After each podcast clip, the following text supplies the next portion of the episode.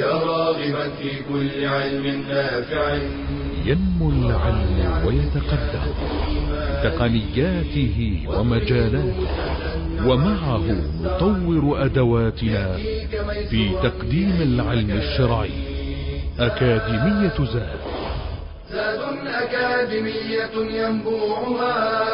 صاف صاف ليروي غلة الظمآن. والسيرة العلياء عطرة الشدى. طيب يفوح لأهل كل زمان. بشرى لنا ذات أكاديمية للعلم كالأزهار في البستان.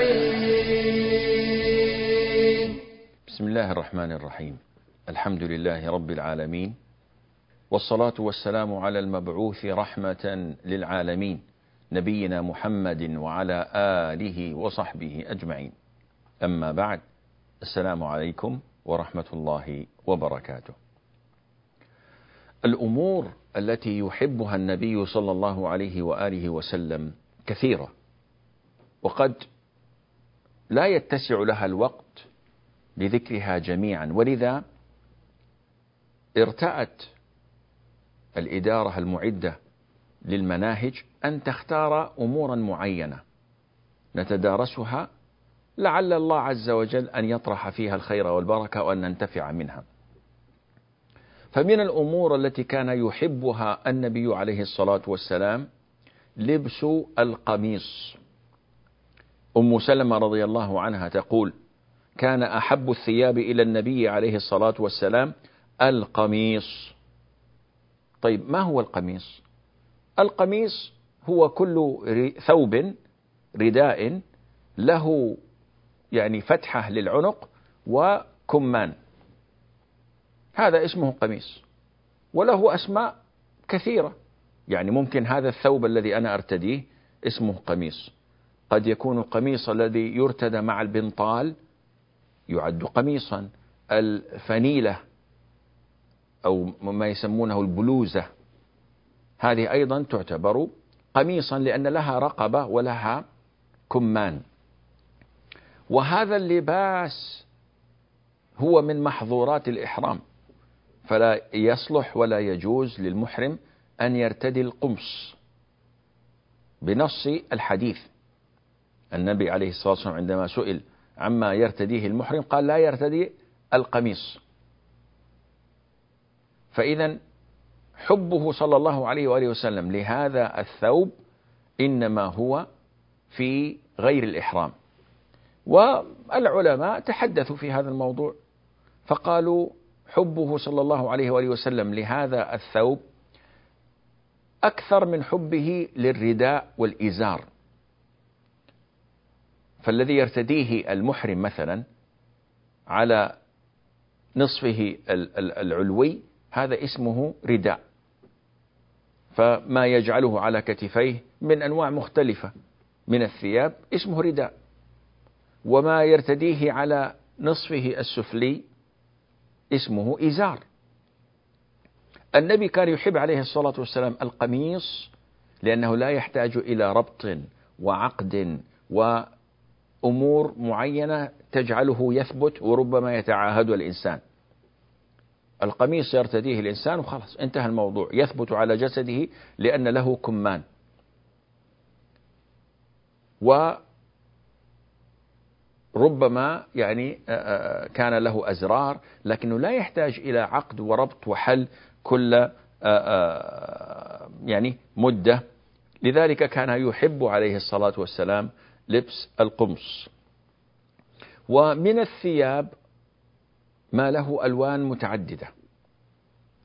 واشتهر عند كثير من الناس أن النبي عليه الصلاة والسلام كان يفضل الأخضر على غيره من الألوان. وهذا غير صحيح. ولذلك قد تجد شعار بعض الطوائف الضالة أو الفرق المنحرفة لونا معينا. فقد تجد من لا يرتدي إلا العمائم السود ومنهم من لا يلبس إلا العمائم الخضر. ظنا أن هذا هو الأفضل وأن تلك هي السنة. الرسول صلى الله عليه وآله وسلم كما جاء عن سمرة بن جندب رضي الله عنه قال البسوا البياض. فهذا أمره عليه الصلاة والسلام. وعلل ذلك بقوله فإنها أطهر وأطيب. وكفنوا فيها موتاكم. إذا هذا فعل صريح وقول واضح أن الأبيض أطهر وأطيب. لبس الأبيض من الثياب هذا أمر محبذ في السنة المطهرة.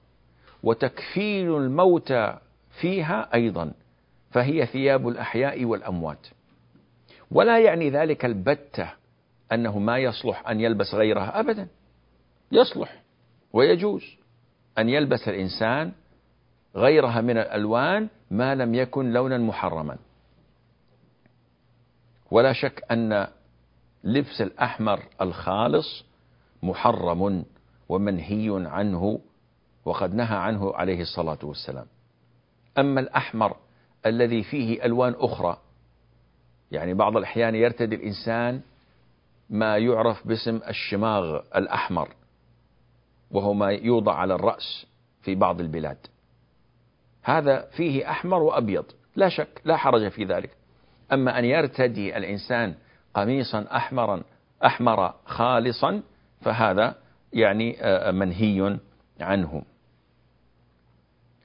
من الأشياء التي كان النبي صلى الله عليه وآله وسلم يحبها من الدنيا الطيب. هذا الطيب اتفقت الناس جميعهم على أنها من الأمور المحببة إلى النفس. لا تجد نفسا سوية أو حتى غير سوية. لا تحب الطيب. لأن هذه من الأمور التي جعلت في فطرة الناس.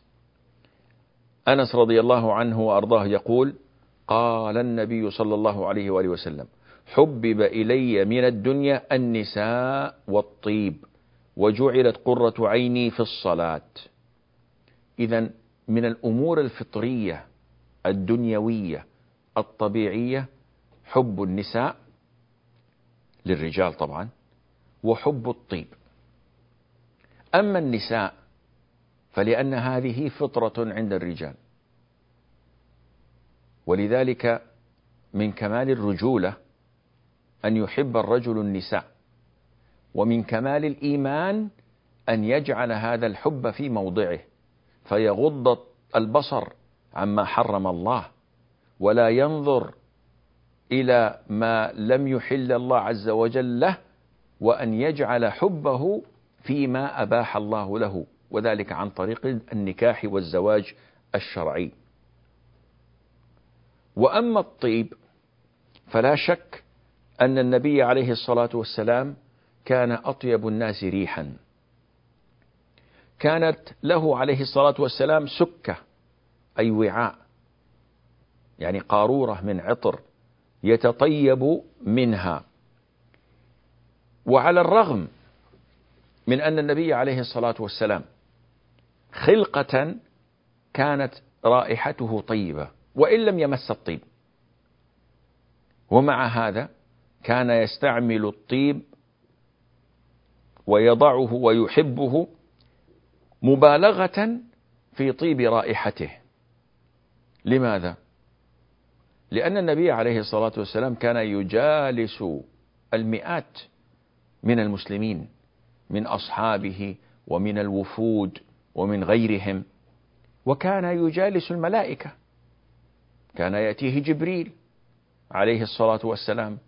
وكان يعطيه وينزل عليه الوحي ويناجيه.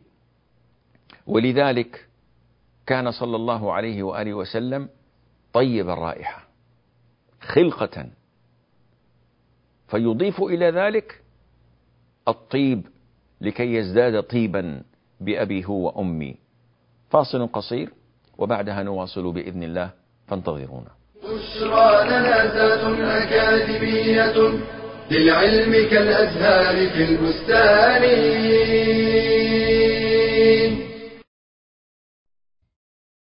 من يرد الله به خيرا يفقهه في الدين والناس معادن. خيارهم في الجاهلية خيارهم في الإسلام إذا فقهوا. من هنا حق للمرأة أن تسعى للتفقه في الدين وتعلم الضروري من أحكامه فتصحح عبادتها وتقوم بمسؤوليتها تجاه زوجها وأولادها وأهل بيتها ومجتمعها. وينبغي للمرأة أن تبدأ بفروض الأعيان فتتعلم الطهارة والصلاة والصيام وما يخصها من أحكام. كالحيض والحمل والرضاعة وغير ذلك. فإذا أرادت عبادة أو معاملة وجب عليها تعلم أحكامها. كأن تريد الحج فتتعلم أحكامه. ويتوفر لها مال فتتعلم كيف تخرج زكاته وتاريخ الأمة زاخر بالعالمات الفقيهات. ويأتي على رأسهن عائشة أم المؤمنين رضي الله عنها.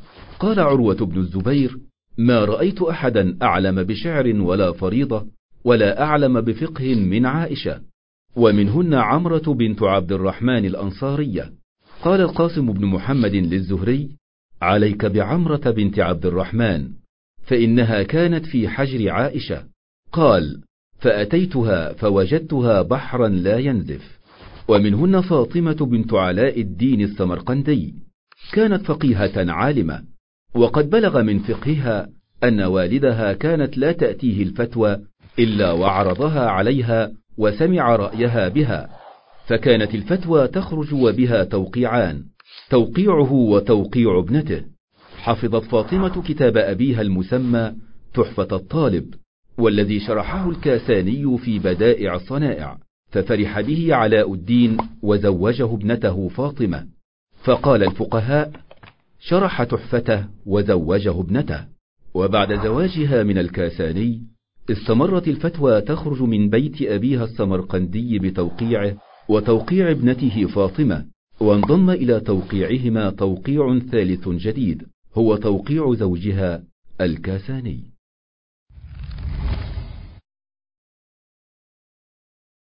بشرى لنا أكاديمية للعلم كالأزهار في البستان. السلام عليكم ورحمة الله وبركاته. إذا النبي عليه الصلاة والسلام كان طيب الرائحة ومع ذلك كان يحب الطيب ويحث عليه ويشجع الناس على أن يمسوا من طيب نسائهم. وهذه مسألة هل الطيب فيه تشبه بالنساء أو لا؟ على خلاف والذي يظهر أنه ما لم يعرف في الناس أن هذا طيب خاص بالنساء رائحة خاصة بالنساء فلا حرج في استخدامه. لأنه قد يكون المقصود في أن يمس من طيب امرأته يعني الذي يضعه هو إن أراد أن يتزين لامرأته. وقد يكون أن الطيب في ذلك الزمان يستخدم من الجنسين اللي يسمونه يونيسكس يعني خاص بالاثنين ممكن يستخدمه كذا وكذا مثل المسك مثلا. المسك الآن قل أن تجد من يضعه من الرجال لكن هذا لا يعني أنه أصبح الآن تشبه بالنساء. فقد كان عليه الصلاة والسلام يضع المسك ويحبه ونحن نحبه لحب النبي صلى الله عليه وآله وسلم. له. فكان عليه الصلاة والسلام يضع الطيب إضافة إلى الطيب الذي هو فيه خلقة من الله عز وجل وكان يكره الروائح الكريهة ويتجنبها ويبتعد عنها. لذلك كان صلى الله عليه وآله وسلم لا يأكل الثوم والبصل. على الرغم مما فيهما من فائدة صحية وعلل ذلك صلى الله عليه وآله وسلم عندما سئل أحرام هو؟ لأن الصحابة كانوا يتوقفون. إذا فعل الرسول أمرا عليه الصلاة والسلام فعلوه. وإذا امتنع عن أمر امتنعوا عنه حتى يعلموا السبب. صلى ذات يوم في نعله فصلى الصحابة كلهم منتعلين. وهذه من السنن التي تركها المسلمون. قال صلوا في نعالكم فإن اليهود لا يصلون في نعالهم.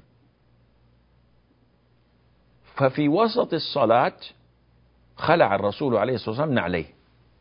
فما كان من المصلين خلفه إلا أن خلعوا نعالهم. قضيت الصلاة. سألهم عليه الصلاة والسلام ما الذي حملكم على ما صنعتم؟ قالوا خلعتنا عليك فخلعنا. انتهى الموضوع. أن تفعل نحن نتبع. أنت أسوتنا وقدوتنا. وأخبرهم أنه ما فعل ذلك إلا لأن فيها نجاسة أخبره عنها جبريل. فمن أراد أن يصلي في نعليه فلينظر بادئ ذي بدء كي يتيقن أنه أنه لا يوجد نجاسة على نعليه ثم يصلي. اتباع. قدم إلى النبي عليه الصلاة والسلام طعام فكف يده ولم يأكل منه. فقيل له فقال إن فيها ثوما وبصلا. أحرام هو؟ قال إني أناجي من لا تناجي. بمعنى أن جبريل يأتي فيلقي علي القرآن ويتحدث معي وأنا أريد أن يخرج من فمي الرائحة الطيبة. ولذلك حثنا عليه الصلاة والسلام على الاستياك. المسواك هذا لولا أن أشق على أمتي لأمرتهم بالسواك عند عند كل صلاة وعند كل وضوء. لماذا؟ طيب الرائحة حسن المنظر هذه علامة فارقة في المسلم. أما أن يأتي المسلم وهو يعني في صورة مزرية علامات الفقر عليه رائحته ربما أماتت الطير في في السماء لأنه لم يغتسل ولم يتطيب هذا ما يصلح أبدا. يعني بعض الأحيان تصلي بجوار بعض الإخوة إن كبر سقط عن يمينه وعن شماله المصلون. من هذه الرائحة النتنة يا أخي تنظف. النبي عليه الصلاة والسلام أمرنا وحثنا على أننا إذا قمنا لصلاة الليل الناس نائمون ما في أحد إلا أنا أن يستاك الإنسان ويجتهد في السواك لماذا؟ لأنه إذا قام يقف بين يدي الله عز وجل واستفتح الصلاة وقرأ القرآن نزل ملك فوضع فاه على فيه فخرج ما يخرج من القرآن من فمك يدخل في جوفه. إذا أنت إذا ذهبت تصلي الليل واستحضرت هذه الصورة وذاك المثل والله صلاتك غير. لها شكل وطعم ورائحة مختلفة كل الاختلاف. لكن أحدنا إن قام يوتر الله أعلم بحاله وبرائحة فمه وبشكله. ما هكذا كان الناس يقومون للصلاة؟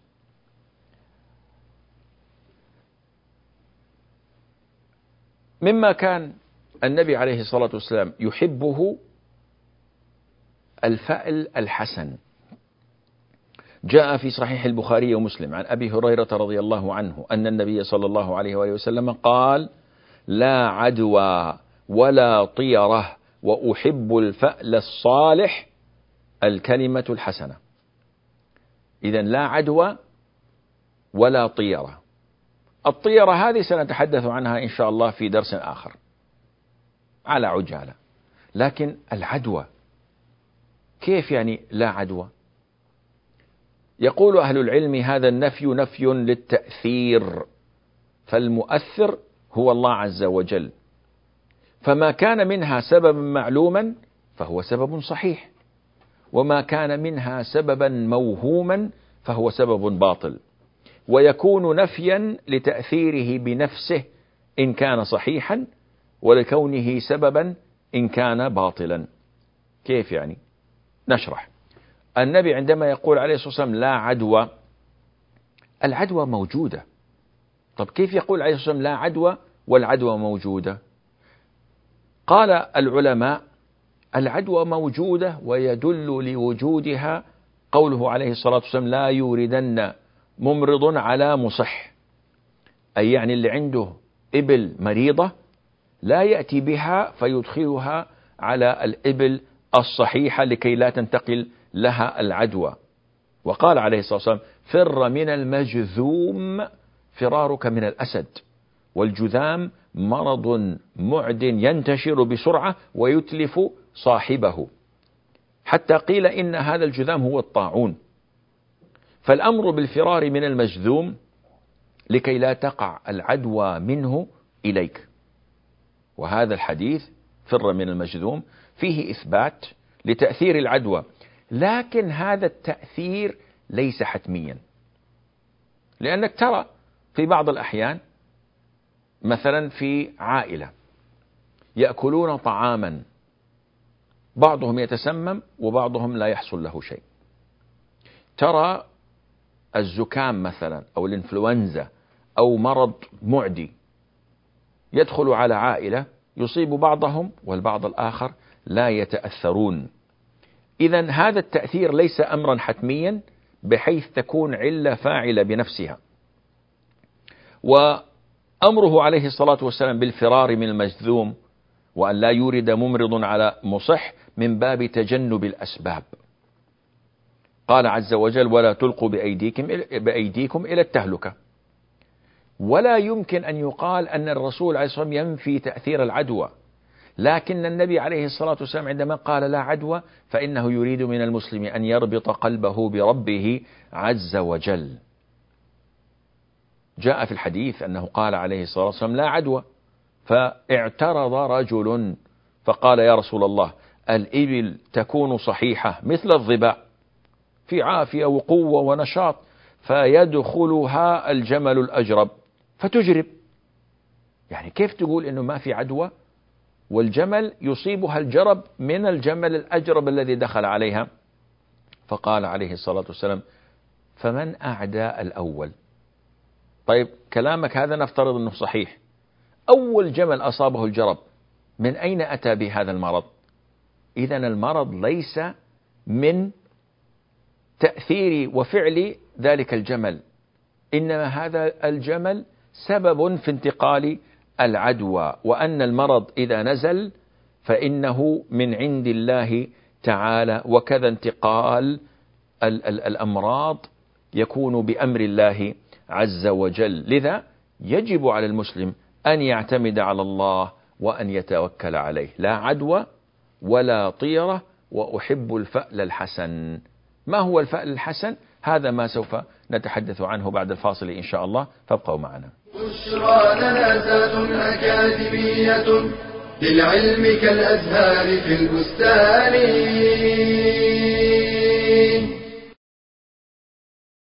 وصية الله لعباده. قرن حقهما بحقه وشكرهما بشكره. أمر ببرهما ونهى عن عقوقهما. إنهما الوالدان. قال تعالى وقضى ربك ألا تعبدوا إلا إياه وبالوالدين إحسانا. والبر بالوالدين يعود نفعه على الولد البار بثمرات وفوائد منها تحصيل مرضات الله تعالى إطالة العمر وزيادة الرزق اكتساب بر الأبناء في المستقبل فالجزاء من جنس العمل. تكفير الذنوب والخطايا. فعن ابن عمر رضي الله عنهما أن رجلا أتى النبي صلى الله عليه وسلم فقال يا رسول الله إني أصبت ذنبا عظيما فهل لي توبة؟ قال هل لك من أم؟ قال لا. قال هل لك من خالة؟ قال نعم. قال فبرها. وللبر بالوالدين صور وأشكال منه ما يكون في حياتهما كإحسان القول إليهما وخفض الصوت عندهما وطاعتهما فيما يأمران به وتعليمهما ما يحتاجان إليه واستئذانهما عند السفر وإظهار التقدير والاحترام لهما وتقبيل أيديهما ورأسيهما والسعي في إرضائهما وتحمل المشاق في سبيل ذلك ومنه ما يكون بعد وفاتهما كالدعاء لهما والاستغفار لهما وقضاء دينهما وصلة الرحم التي لا توصل إلا بهما وإكرام أصدقائهما. قال رسول الله صلى الله عليه وسلم إن من أبر البر صلة الرجل أهل ود أبيه بعد أن يولي. بشرى لنا أكاديمية للعلم كالأزهار في البستان. السلام عليكم ورحمة الله وبركاته. التفاؤل في الأصل هو إحسان الظن بالله عز وجل وتوقع الخير وتسليم الأمر لمن بيده الخلق والأمر عز وجل. هذا هو أصل التفاؤل. كان عليه الصلاة والسلام يعجبه الفأل الحسن. وأصل التفاؤل كلمة حسنة يسمعها الإنسان. يسمعها المريض فيتفاءل بالشفاء. يسمعها من فقد ضالة فيتفاءل بوجود هذه الضالة. فلو سمع رجلا يقول يا واجد. رجل ينادي آخر. فيتفاءل الإنسان بأنه سيجد. تلك الضالة التي أضاعها. وعن أنس بن مالك رضي الله عنه أن النبي صلى الله عليه وآله وسلم كان يعجبه إذا خرج لحاجة أن يسمع يا راشد يا نجيح. فالراشد من الرشد وهو أن يجد الطريق المستقيم ويا نجيح من النجاح. إذا قضيت حاجته بنجاح بإذن الله عز وجل. وفي صلح الحديبية جاء المفاوضون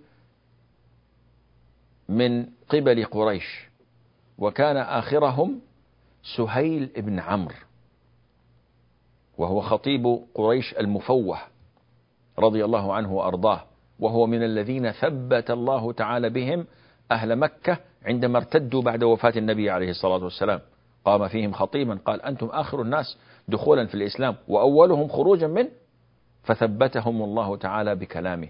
سهيل بن عمرو هذا عندما أتى ليفاوض النبي عليه الصلاة والسلام وهو الذي كتب معه صلح الحديبية تفاءل عليه الصلاة والسلام. الأصل عند الناس الآن التشاؤم وسوء الظن بالله عز وجل لبعد الناس عن القرآن والسنة. واعتقادهم أن الأسباب هي مسببة بذاتها. فالفقير إن لم يكن عنده مال وركبته الديون وضاقت عليه الأرض بما رحبت يسوء ظنه بربه عز وجل. فمهما سمع من الغنى والثروة والمال وأن الله قاضي الحاجات يشك في رحمة ربه عز وجل. وهذا سوء الظن بالله. الذي ملئ قلبه بالإيمان وبإحسان الظن بالله عز وجل هذا إن سمع أي كلمة طيبة تفاءل لعلمه بأن الله هو مسبب الأسباب. فلما رأى عليه الصلاة والسلام وهو في إحرامه مع أصحابه يريدون البيت للاعتمار ولا يريدون أي مشاكل رأى سهيل بن عمرو قال سهل لكم من أمركم. لقد سهل لكم من أمركم. تفاءل باسمه. إن اسمه سهيل. كان عليه الصلاة والسلام يغير الأسماء القبيحة إلى أسماء تسر الأذن من باب التفاؤل. فغير اسم العاصي.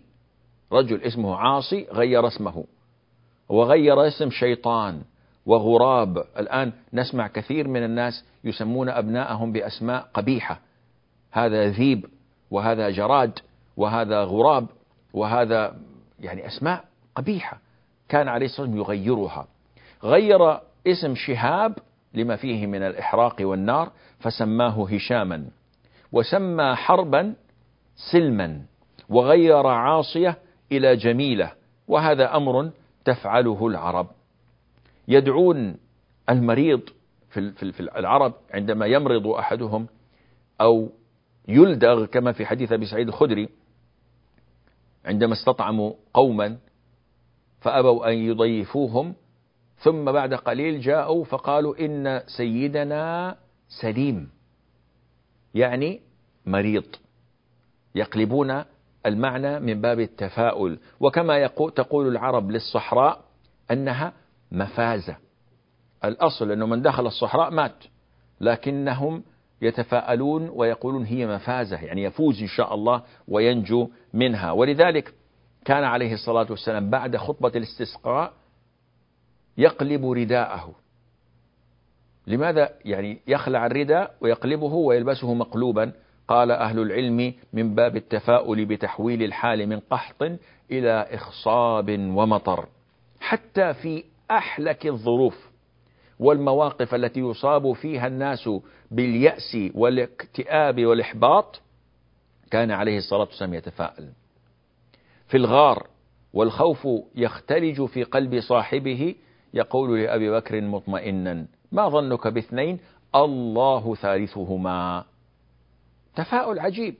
أنت الآن مطارد يريدون أن يقتلوك ولكنه يحسن الظن بربه ويحسن التوكل والاعتماد عليه عز وجل. بل يأتيه ملك الطائف بعد زيارته وأذيتهم له يأتيه ملك الجبال بعد أن زار الطائف وآذوه ويعني رموه بالحصى. يستأذنه فيقول يا محمد إن الله قد سمع قول قومك لك وأنا ملك الجبال. بعثني ربك إليك لتأمرني بأمرك. فما شئت. إن شئت أن أطبق عليهم الأخشبين يعني أطربقها فوق رؤوسهم. الجبال أنسفها وأدمرها وأجعلها فوقهم. انظر إلى التفاؤل. لو أن أحدا منا عرض عليه هذا العرض لقال نعم افعل ذلك وخذ معهم شوية من هنا ومن هناك أيضا. النبي عليه الصلاة والسلام يقول بل أرجو أن يخرج الله من أصلابهم من يعبد الله وحده لا يشرك به شيئا. هذا هو التفاؤل الذي يظهر عند اليأس من كل شيء إلا من الله عز وجل. وكلما زاد إيمان العبد كلما زاد تفاؤله. قارن هذا بحالنا بشكوانا بتذمرنا بكثرة يأسنا وإحباطنا واكتئابنا لأنه لا يوجد في القلب إيمان ما يوجد توكل. لذا عندما قال رجل لآخر هل تعلم من هو مستجاب الدعوة؟ تعرف لنا واحد من الصالحين يعني يدعو الله يستجيب الله تعالى له فقال ذلك الرجل لا أعرف أحدا مستجاب الدعوة ولكني أعرف من يجيب الدعوة. ليش تذهب إلى رجل تقول له ادعوا لي؟ بينما الله عز وجل يقول ادعوني أستجب لكم. الله عز وجل هو الذي يطلب منك الدعاء. كان عليه الصلاة والسلام يحب التيامن في كل شيء. فيأكل بيمينه ويشرب بيمينه ويأخذ بيمينه ويعطي بيمينه ويخبر أن الشيطان يأكل ويشرب ويأخذ ويعطي بشماله. وكان يجعل اليمين للأشياء الطيبة. في دخول المسجد مثلا برجله اليمنى في لبسه للنعال في آه، التطهر يعني بمعنى في الوضوء لا في آه، آه، إزالة النجاسات. المقصود بالتطهر هنا في الوضوء والاغتسال. وفي الترجل أي إذا مشط شعره وينام على شقه الأيمن كان يحب التيمن في كما تقول أمنا عائشة في طهوره إذا تطهر وفي ترجله إذا ترجل وفي انتعاله إذا انتعل. وكان يحب التيامن أو التيمن ما استطاع في شأنه كله. كل أموره الطيبة يقدم لها اليمين. أما ما كان سوى ذلك فيستخدم له الشمال. إذا استخدام اليمين للتكريم والتشريف. أسأل الله أن يجعلني وإياكم من أصحاب اليمين. أما الشمال فتستخدم لما كان بضد ذلك كدخول الخلاء. ما تدخلها برجلك اليمين بل تدخلها بقدمك الشمال وتخرج من المسجد كذلك فيستحب التياسر فيه. وهذا يعني كلام أهل العلم. وإن لم يوجد هنالك حديث صريح في ذلك لكن هذا من باب أو من عموم حبه التيامن في كل شيء صلى الله عليه وآله وسلم. هذا والله أعلم ونسبة العلم إليه أسلم. والسلام عليكم ورحمة الله وبركاته. يا راغبا في كل علم نافع متطلعا لزيادة الإيمان وتريد سهلا النوال ميسرا يأتيك ميسورا بأي مكان. زاد أكاديمية ينبوعها.